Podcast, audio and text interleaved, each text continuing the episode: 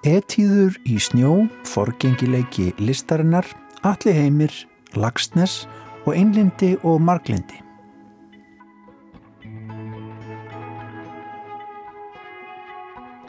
Í Vísjá í dag ræðir Róbert Haraldsson um einlendi og marglendi heimsbyggi fyrirlestra Sigurðar Nórdal sem hann flutti fyrir öll síðan.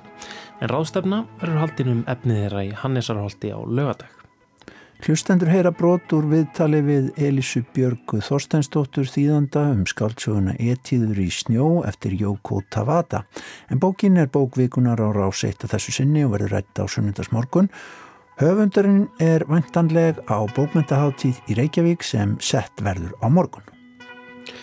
Inga Björk, Margreðar og Bjarnadóttir flyttur svo pistilum forgengileika, forvörslu og yfirfullar safnageimslur og svo líklegt að við heyrum kannski brot úr gömlu viðtali við Haldur Kiljan Lagsnes. En í dag er dagur bókarinnar á fæðingadegi Haldurs og jafnframt hundrað ár liðin frá útkomu Barts Náturinnar, fyrstu skáltsugu Haldurs. En við sjá í dag ætlum við að hefja á því að senda alla heimi sveinsinni stuttakveðju með þökkum fyrir tónlistina. Alli heimir kvatti þennan heim á lögadaginn síðasta. Hann var fættur í Reykjavík 21. september 1938 og vitanlega eitt mikil virkasta tónskátt Íslands á 20. öld, frumkvöðull og fórustum aðurum framúrstefnu í tónsköpun, nótkun nýra hljóðgjafa, hljóðfaratekni og hljóðheims. Í þeim efnum bar allir hingað heim ströyma úr evróskri framúrstefnu eftir nám og námskeið í Evrópu um meðjan sjönda áratvín. Hinliðin á tónsköpunni var mikill fjöldi sönglaga og korverka sem allir samti og náðu miklum vinsældum með allþjóðarinnar. Hann hlaut tónskaldavellun Norðurlandaráðs fyrstur Íslendinga árið 1976 fyrir flautukonsertsinn og var mikil virkur kennari og allþjóðfræðari um tónlist meðal annars hér í Ríkisútarpinu. Við hér í Vísjá þökkum fyrir tónlistina og förum í smá syklingu með alla heimi heitnum, grípum neður í Vísjár þátt sem við gerðum í haust þegar allir varð átræður.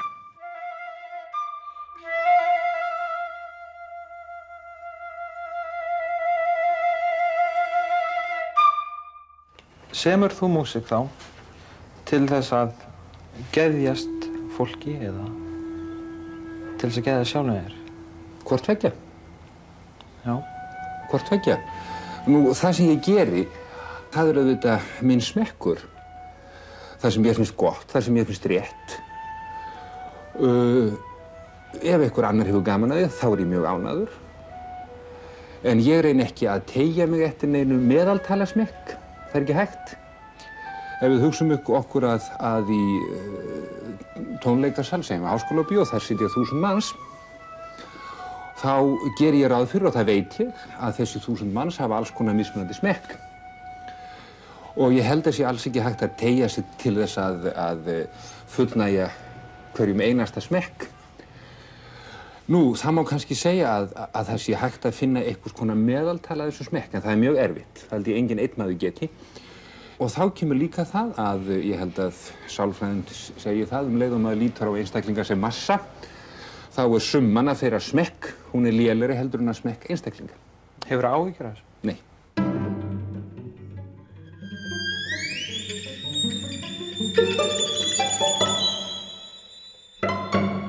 Sú ferð eða ferðir sem ég langar að tala um núna það eru flategarferðir mínar. Eh, ég hef svolítið ferðast um heiminn. Ég raunar ekki ferðast mikið hér á Íslandi og ég er ekki mikið ferðamadur. Ég er svona svolítið gefinn fyrir að vera á sama blettinum. En uh, það er kannski einustu ferðirna sem að uh, mér eru mjög minnistæðir. Það, er, eru ferðir vestur í flati og breyðaferði. Móður mín er ættuðaðan og uh, amma minn hún bjóð það lengi og allt frá því að ég fætist í þennan heim þá var það nokkurnu einn viss viðburður að ég færi þangað hvert sumar. Fyrst sem smábad með mömmu minni og uh, pappa því að hann eitti gerðan sínum sumafríum þar. Nú síðar sem þegar ég stálpaðist þá fór ég einn til sumardvalar hjá ömmu minni og svo eftir hún fluttist í bæinn þá fór ég og ég kom frá námi erlendis þá hef ég eiginlega farið á hverju sumru og dvalið í gamla húsun hennar. Og um, það ger ég núna af því að þar hef ég sérlega góðan vinnufrið. Húsið hennar stendur enn og uh, það er svona til ánóta fyrir fjölskylduna. Og það er stort hús, það rúmast margir í einu. Það er lítið sem trublar og uh, þar er engin sími, þar er engin dagblöð, það er ákvæmlega stöðugur og reglubundin lífsrytmi, maður fer að lifa eins og fugglarnir, vakna í bítið og, og svona. Nú það eru þarna ágættis nákvæmna líka sem að líka upp á dvöluna, þannig að setni árin þá hefur einhver farið þarna til að vinna.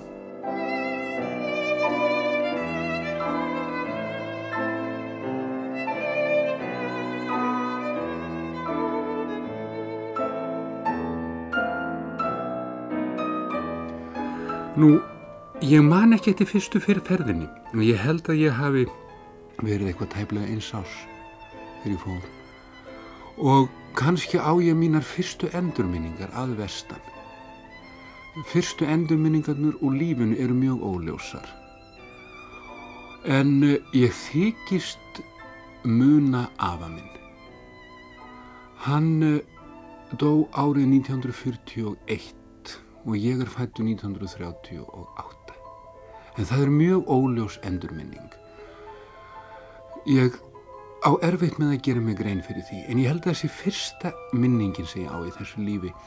Og ég man eða þykist muna er, veit ekki hvort þetta er ímyndun eða endurminning það, mörkin eru oft óglögg. Ég þykist muna að ég sæti fanginu á hannum út á sjó speil sléttur fjörðurinn í sólskinni og hann leiði mér að stýra.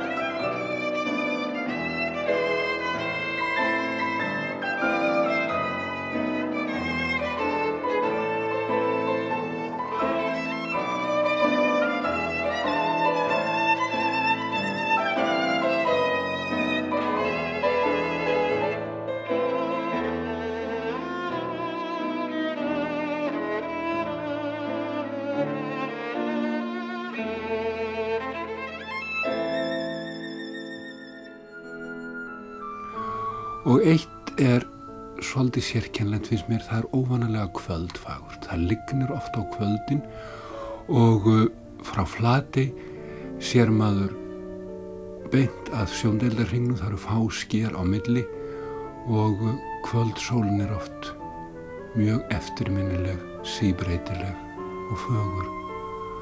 Ég farið nær árlega frá því að mann eftir mér. Og ég held að ég eftir að fara á hverju ári. Þar sem ég eftir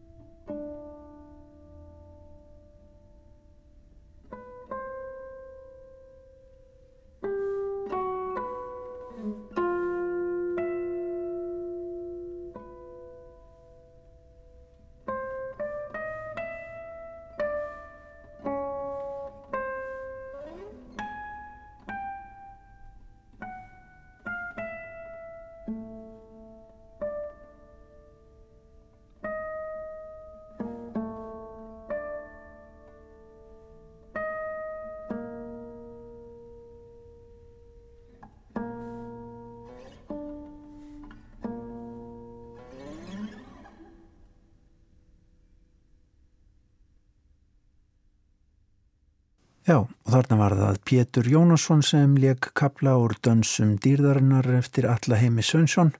Þetta var kapli sem heitir Sovandi haf.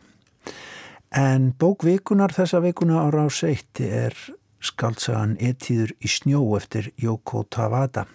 Það er bók sem hefur nokkuð enkenlega sögumenn, ef út í það er farið, þrjá ætliði íspjarna.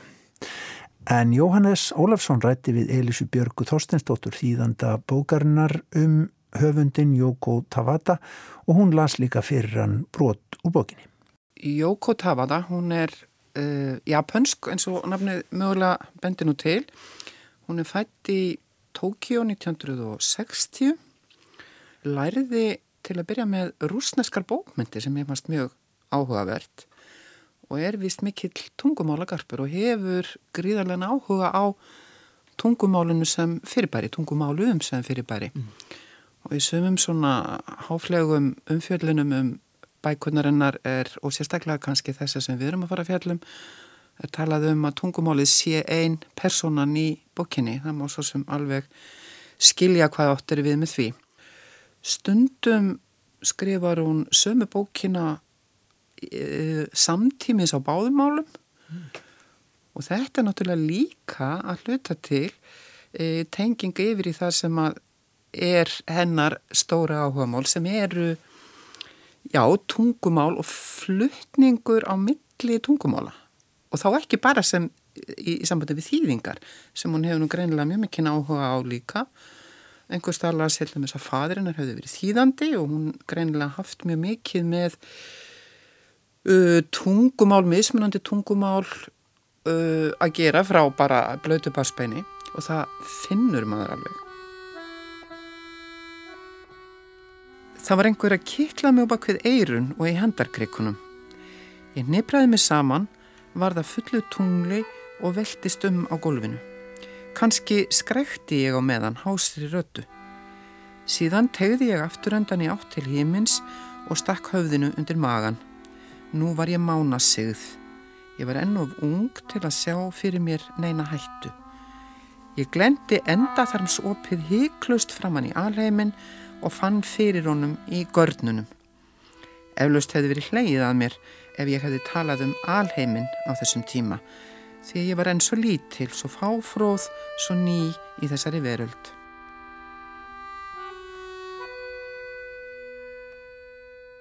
Í þessari bók er hún nefnilega og það kannski blasir ekkit endilega svo rosalega mikið við. Hún er að, hún er náttúrulega fyrst og fremst að skrifa um einmitt þetta með sko nálgun mismunandi persóna við tungumálið og e, hvernig menn, menn, og ekki bara menn, heldur ímsir aðri líka, eins og alltaf með íspilnir, hvernig þeir læra að tjá sig og hvað þeim er leifilegt að segja.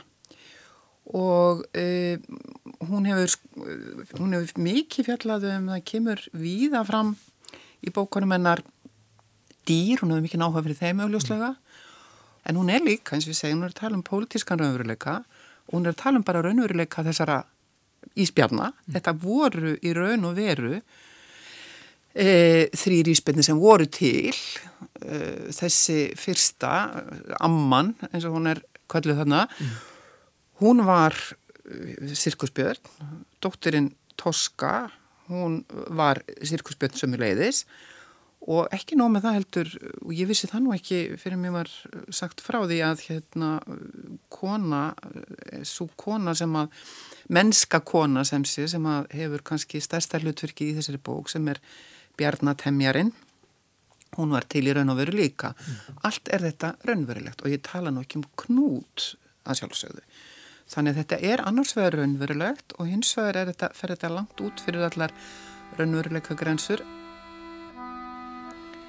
Ef ekki hefði verið fyrir dúnmjúkan feldin hefði ég tæpast verið meira en fóstur Ég gæti enn ekki gengið almennilega en það þóttu loppu hendurnar væri orðnar nú sterkar til að grýpa og halda fast. Í hvert sinn sem ég rasaði komst ég að vísu svolítið áfram en var hægt að kalla það gang.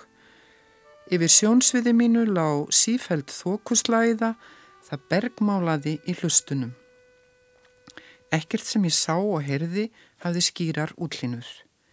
Lífsvilji minn bjó aðalega í klófingrunum og á tungunni. Tungan í mér myndi enn eftir bræðinu af móðurmjólkinni. Ég tók vísifingur mannsins upp í mig, saugan, það róaði mig. Hárin sem hugsu á fingurmanns voru stinn eins og í skópusta. Fingurinn skreið eins og ormur inn í munnin, hárin stungu mig. Svo potaði maðurinn í bringun á mér og skoraði á mig í glímu. Ég var örmagna eftir leiktíman og lagði báðar loppuhendurnar á gólfið og högkunna ofan á þær. Í þessari líkamstöðu fannst mér best að býða eftir næstu máltíð. Hálf sofandi slekti ég mínar eigin varir, hunangsbragðið kom til mín aftur, enda þótt ég hefði ekki fundið það nema einu sinni á æfinni.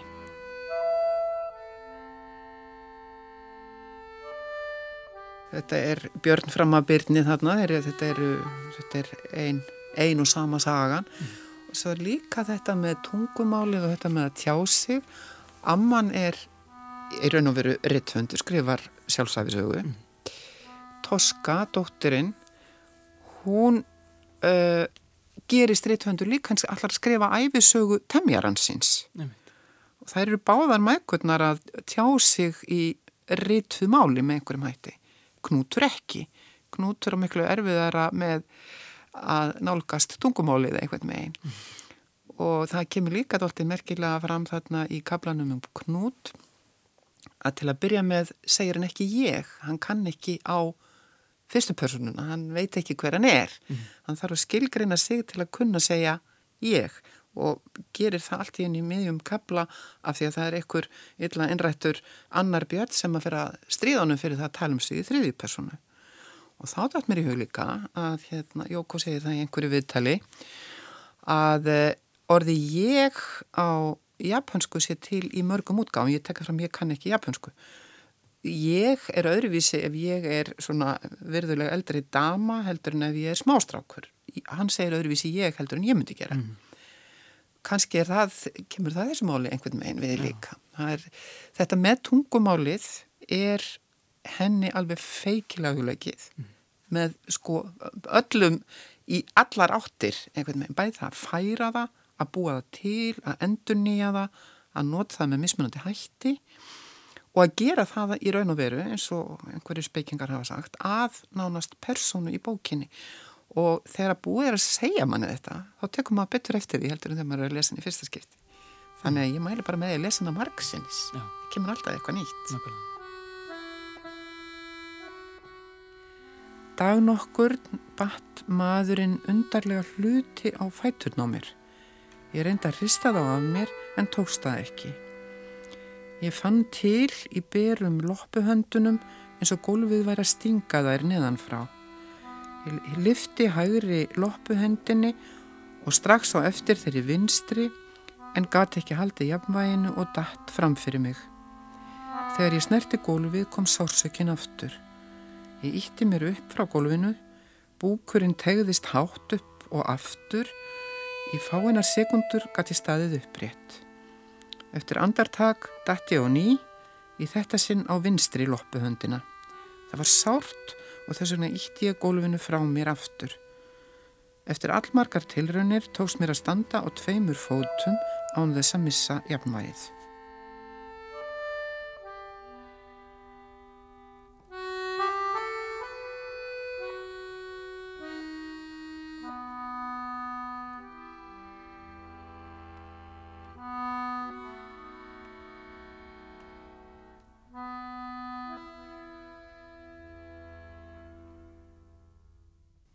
Elisa Björg Þorsteinsdóttir þýðandi lasatna upp úr bókinni Etjúður í snjó eftir Jóko Tavata og sagði frá höfundinum en Etjúður í snjó er bókvikunar núna á sunnudag og það verða Embla Sól Þórólsdóttir og Þorvaldur Sigurbjörn Helgason sem verða gestir Jóhannesar Ólarssonar mm. í þættinum.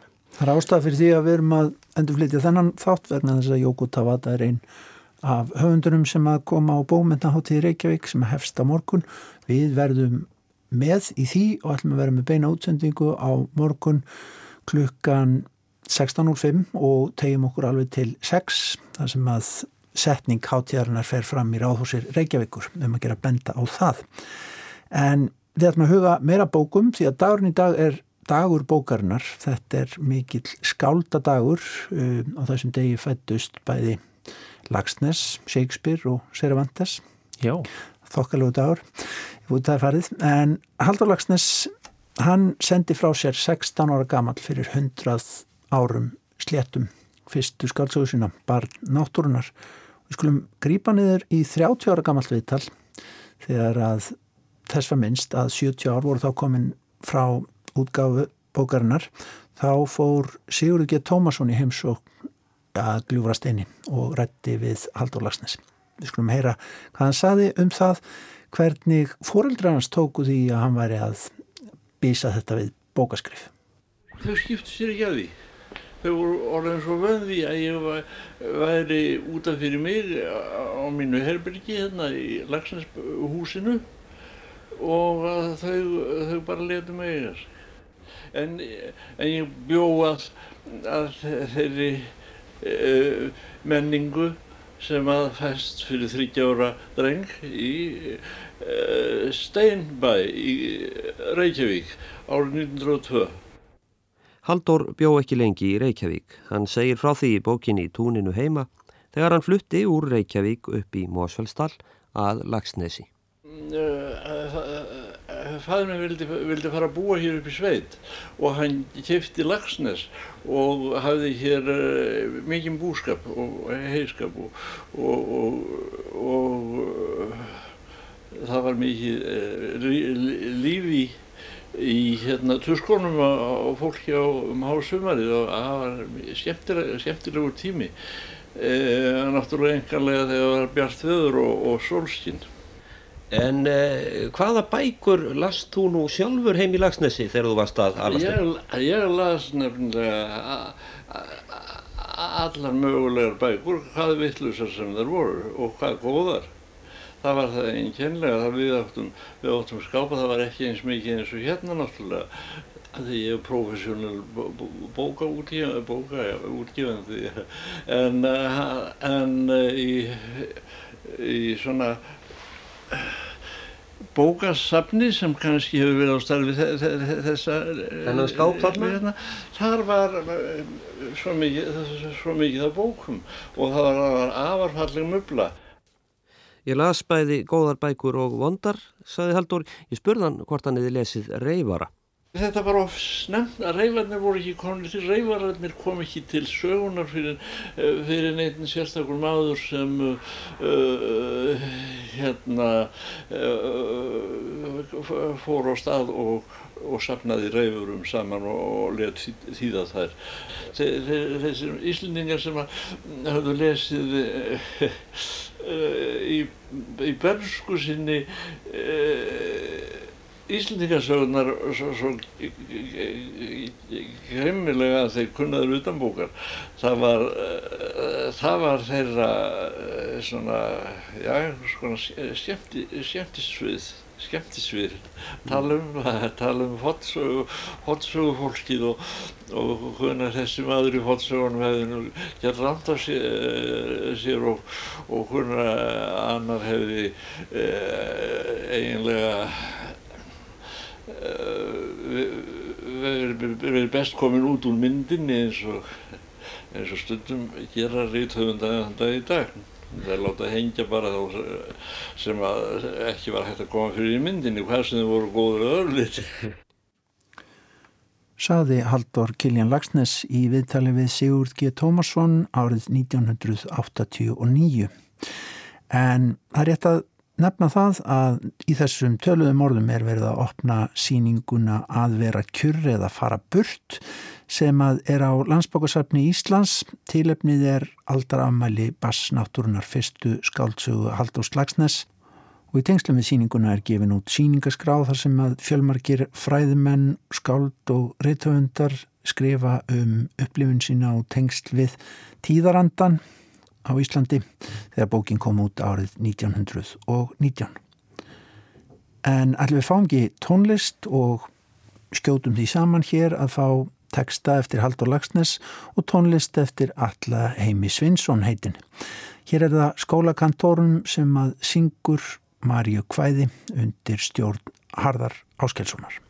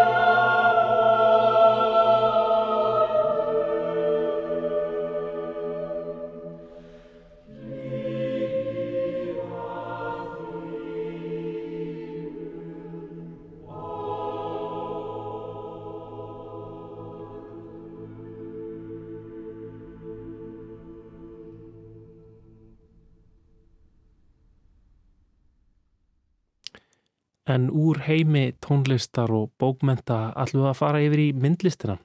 Inga Björg, Margreðar og Bjarnadóttir, myndlistagagrindi, við sjáum allar nú að flytja okkur pistil um forgengileika, forvörslu og yfirfullar safnagemslur. Söpn eru ekki bara síningasalir þó þeir séu óneitanlega það svæði sapna sem flestir tækja heim og hugsa um þegar rættir um söpn og starfsemi þeirra. Söpn starfrækja í flestum tilfellum gríðar stór og flókin rými sem fáir leiða hugan að og það eru sapnagemslunar. Sapnagemslunar eru áskorun sem er algjörlega dulinn hennum grunnlösa sapgjasti sem eru ákveð að verja sunnindegi sínum í að skoða listaverk. Aðgengi að þeim er takmarkað og fyrir því eru góðar ástæður. Allt í kringum okkur er að hörna.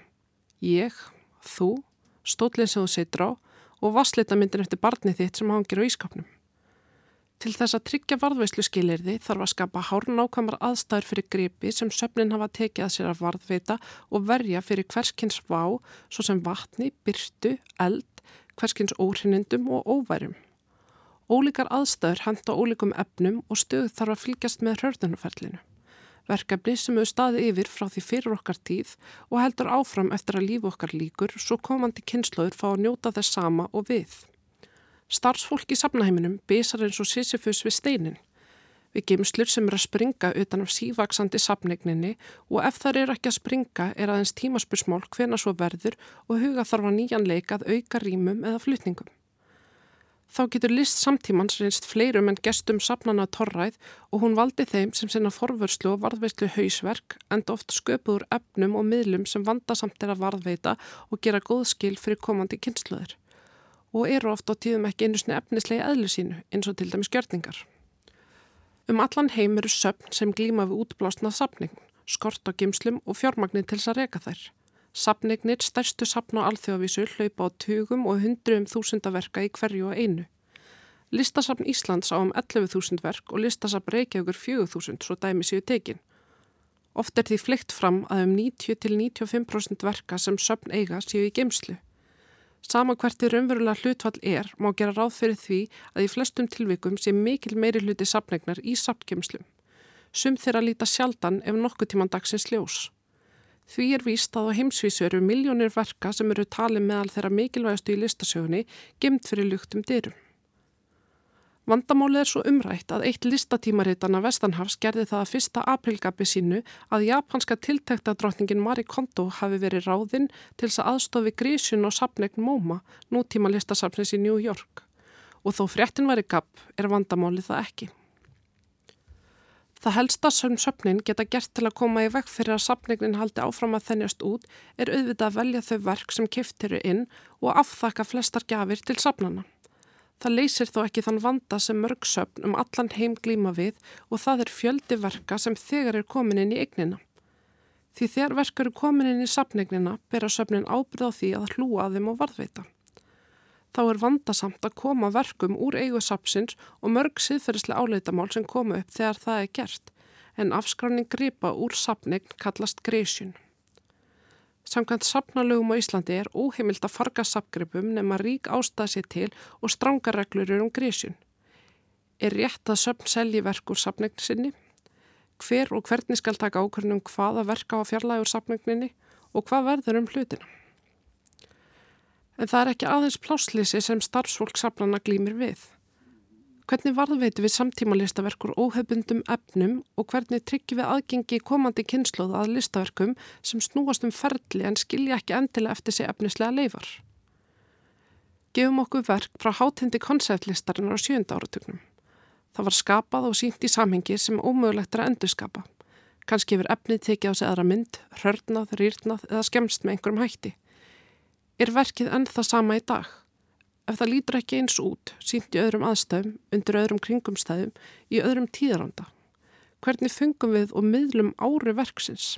En ára er hugtak sem þíski heimsbyggingurinn Walter Benjamin fjallaði með rítgersinni listaverkið á tímum fjöldaframlýslu sinnar árið 1936 og lýsir hvað gerir frummynd að frummynd, hvað gefur henni merkingu og mikilvægi á tímum þar sem tæknin gerur okkur kliftað fjölfalda, endurskapa, dreifa og miðla með auðveldum hætti. Skoðum verk eftir Kristján Guðmundsson sem er í eigu nýlistasapsins. Á síningu sem bar heiti Skuldur í Galeri Sum árið 1970 var 26 blóðmörskeppum drift um golf síningarsalarins. Í hvert blóðmörskepp var búið að stinga pinna með spjaldi sem ávoru velreitu spakmæli. Í samtgemsli nýlistasapsins er nú einn af þessum keppum gimtur á samt pinnanum og spakmælunum og er nú orðin stinnrunin. Hvert er listaverkið og hvernig varðveitir nýlistasapnið verkið? er verkið falið í því að koma fyrir 26 blóðmurskeppum á síningagólfi með þessum tilteknu spakmælum. Væri þá jafnvel hægt að fara í sláturfélag Suðlands og kaupa nýja keppu og sína þá? Hvað gerist þegar stakur blóðmurskeppurinn sem er orðin rýr og stinnrunin er síndur? Er ennum samanverka ræða? Frummyndir og eftirmyndir hafa nefnilega ekki jafn skýr mörg og í fyrstu gæti virst. Áran fjarar út, hún breytist og verður til á nýj 26 nýjir blóðmurskeppir með spakmælum Kristjáns gætu öðlast áruna og að sama skapi gæti hinn 49 ára blóðmurskeppur Kristjáns öðlast nýja áru. Það er nefnilega ekki endilega ljóst hvað ætti að varðveita og hvað ekki, hvað er listaverk og hvað ekki. Að varðveita verk getur verið gífurlega flókið og dýrt og erfitt að ákveða hvað í samtíma okkar er þess verið að taka inn í sapnegn og skuldbinda sig þar með til þess að varðveita, rannsaka og miðla fyrir komandi kynsluður. Söpn þurfa eflaust á næstu áratugum að leita nýra leiða og endurhugsa söpnunastefnu sínar. Endurhugsa hvað við varðveitum og hvernig við gerum það saði Inga Björk, Margriðar og Bjarnadóttir myndlistar gaggrinandi viðsjár. En þá ætlum við að huga að 100 ára gamalli íslenskri heimsbyggi. Þetta var ákvæmlega merkilegur tími og uh, sumt er alkunnugt. Hvað gerðist þar á mjög stuttum tíma, köllugósið, spænska veikin, vopnarlið 11. november og fullveldið 1. desember. Sumt af þessu er persónulegt, til dæmis að ég var komin, nýlega komin heim eftir 12 ára dvöl erlendis og hafði orðið að fara mikla króka leið frá London til eh, Reykjavíkur um Aberdeen, Björgvin, Oslo og Kaupmannhafn. Því það gekk ekkert skip þá, ekki einu sinni tógari á milli Breitlands og Íslands. Þannig lísti Sigurður Nordal, professor í íslenskum fræðum, skáld og heimsbyggingur, heimkomissinni úr námi Erlendis á því mikla umbróta ári 1918. Þessi upptaka er gerð 50 árum síðar. Þannig vetur 1918 til 1919 flutti Sigurður vel sóta heimsbyggi fyrirlestra að opna almenningi í Bárubúð í Reykjavík undir heitinu Einlendi og Marglendi. Fyrirlestararnir vöktu aðtegli og þóttu mikil tíðindi í íslensku hugmyndarlandslægi þess tíma.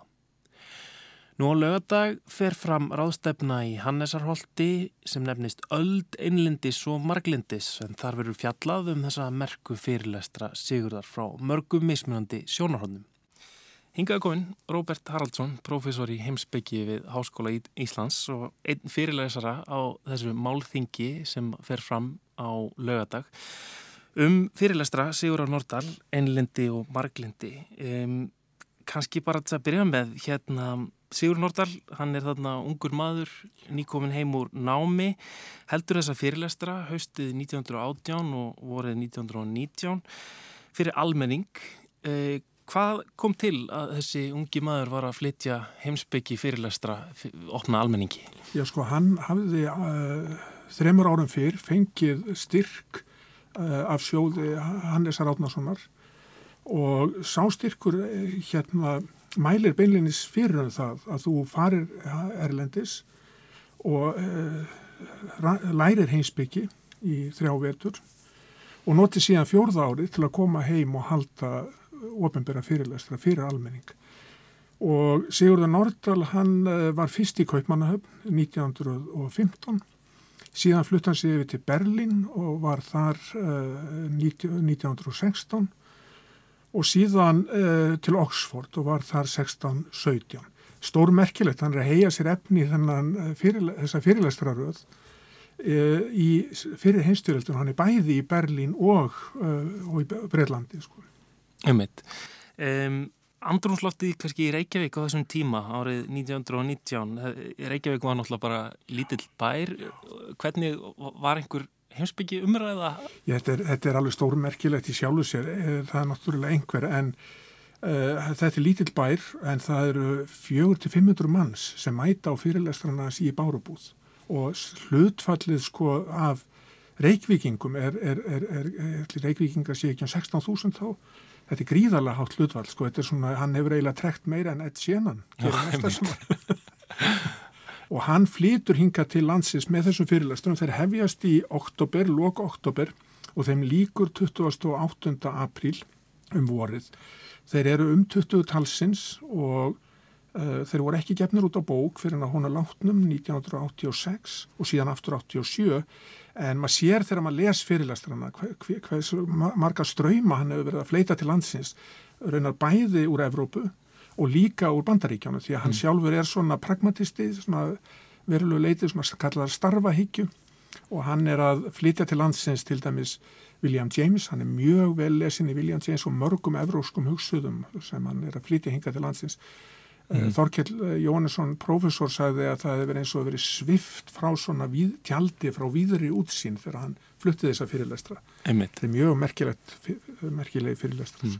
En hvað, hvað er hann að fjalla um í þessum fyrirlestrum sem hann sko, kallar innlindi og marglindi? Já, þetta er náttúrulega það, hann segir sjálfur þetta sé framlag til lífverðnislistarinnar og lífverðnislistin hefur á hugssjón að bæta mannin með því að kenna hann um að þekkja sjálf á sig og hann telur að svona vist tegunda sjálfstekkingu hafi eftir vil bara verið að færi afburðamanna hér áður fyrir en nú sé þetta með bættri nýri sálafræði með svona minkandi bröðstriti sem að sér fram og hefur ræst að þetta sé á færi mikið fleira. Að, að, að, að hugsa svona hvers konar hugssjón vil ég hafa um sjálfa mig, hvers konar einstaklingur vil ég vera.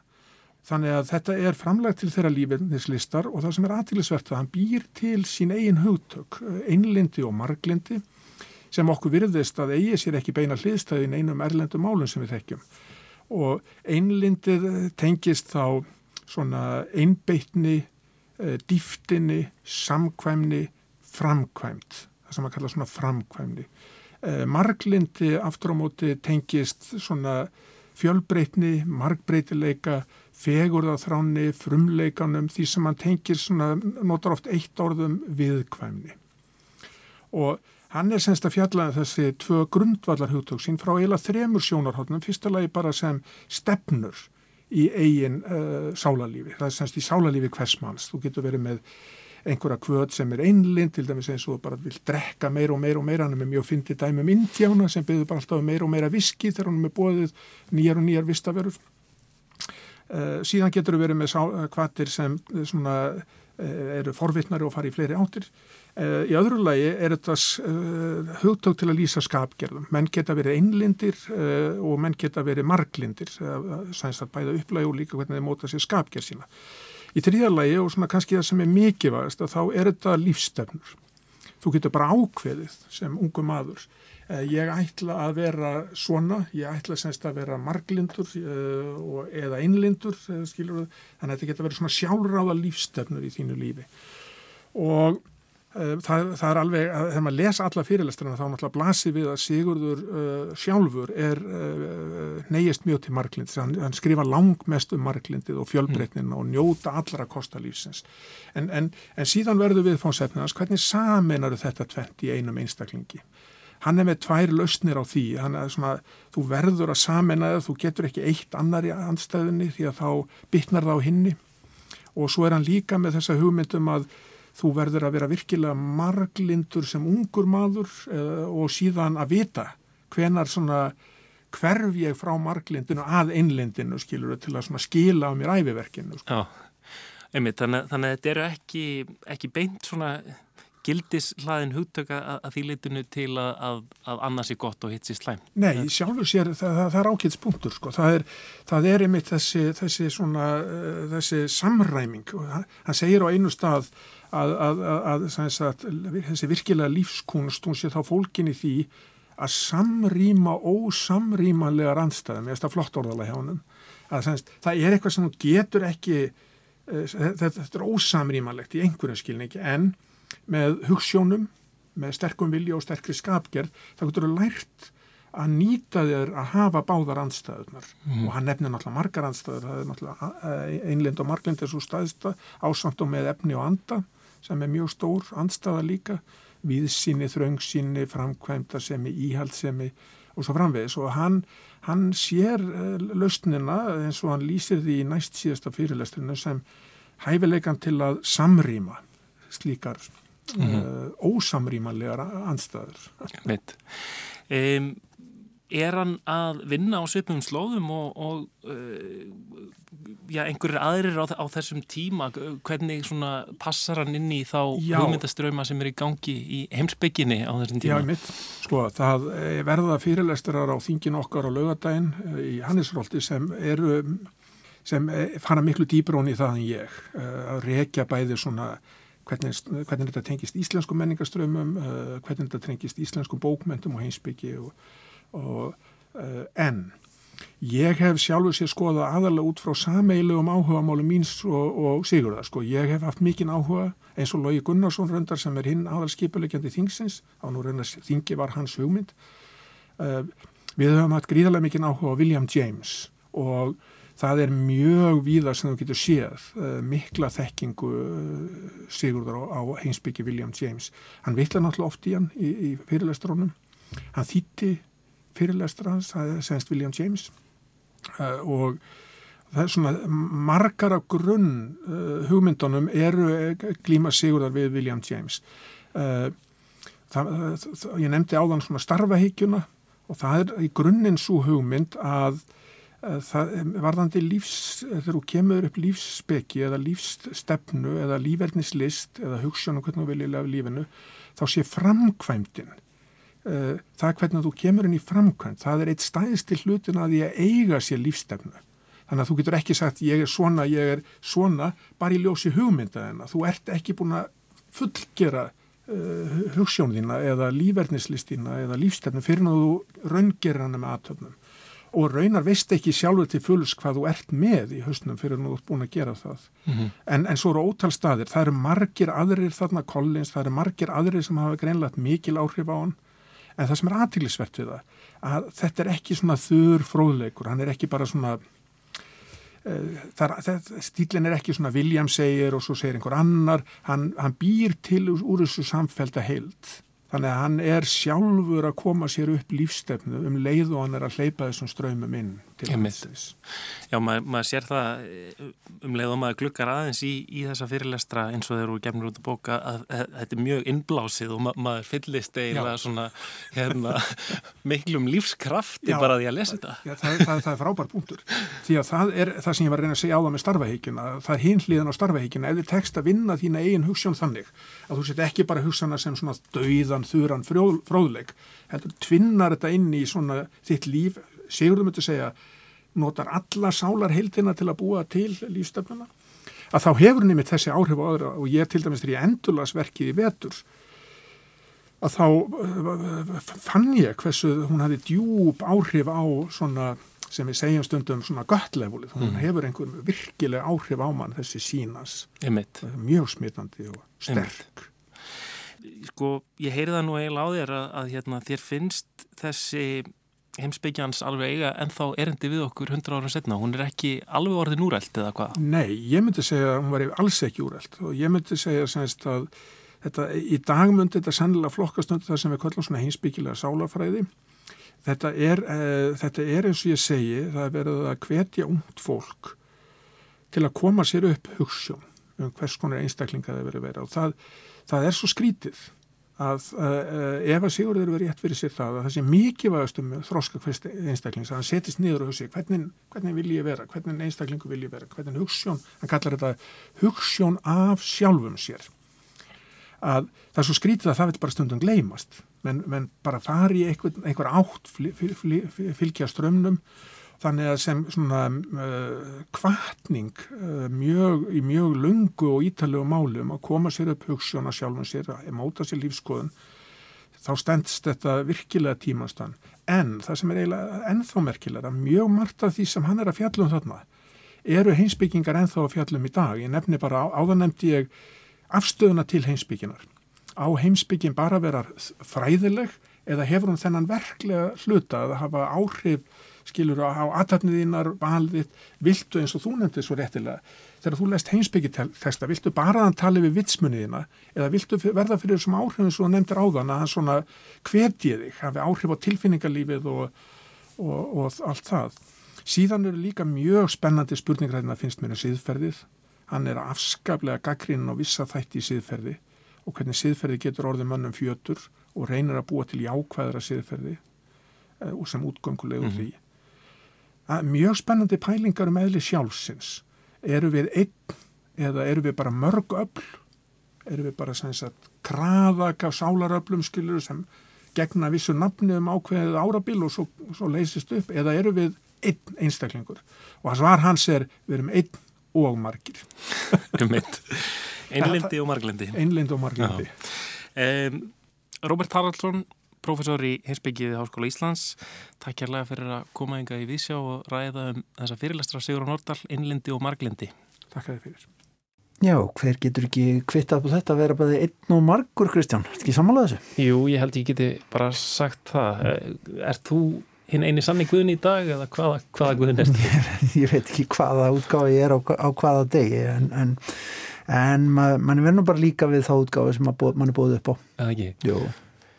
Við ætlum að segja þetta gott í dag ágættu hlustendur. Við hins vegar bendum á það að á morgun klukkan 16.05 þá hefst bein útsending úr Ráðhúsi Reykjavíkur þar sem við ætlum að slá saman með sístur þætt okkar lestinni og vera með í setningu bókmentaháttíðar í Reykjavík. Já, við ætlum að fá til okkar goða gesti til þess að ræða bækur og bókmentaháttíðir. Já, nóg að taka. Einmitt. Við erum bóka og þjóð. Jú, og menn, sé, menn er jafnvel að tala um það að það sé enn að fara að gefa í útgáfana allavega á Íslandi. Einmitt. Það verður áhagvert að fylgjast með þessu og eh, við verðum þar á staðnum á morgun. Verið sæl.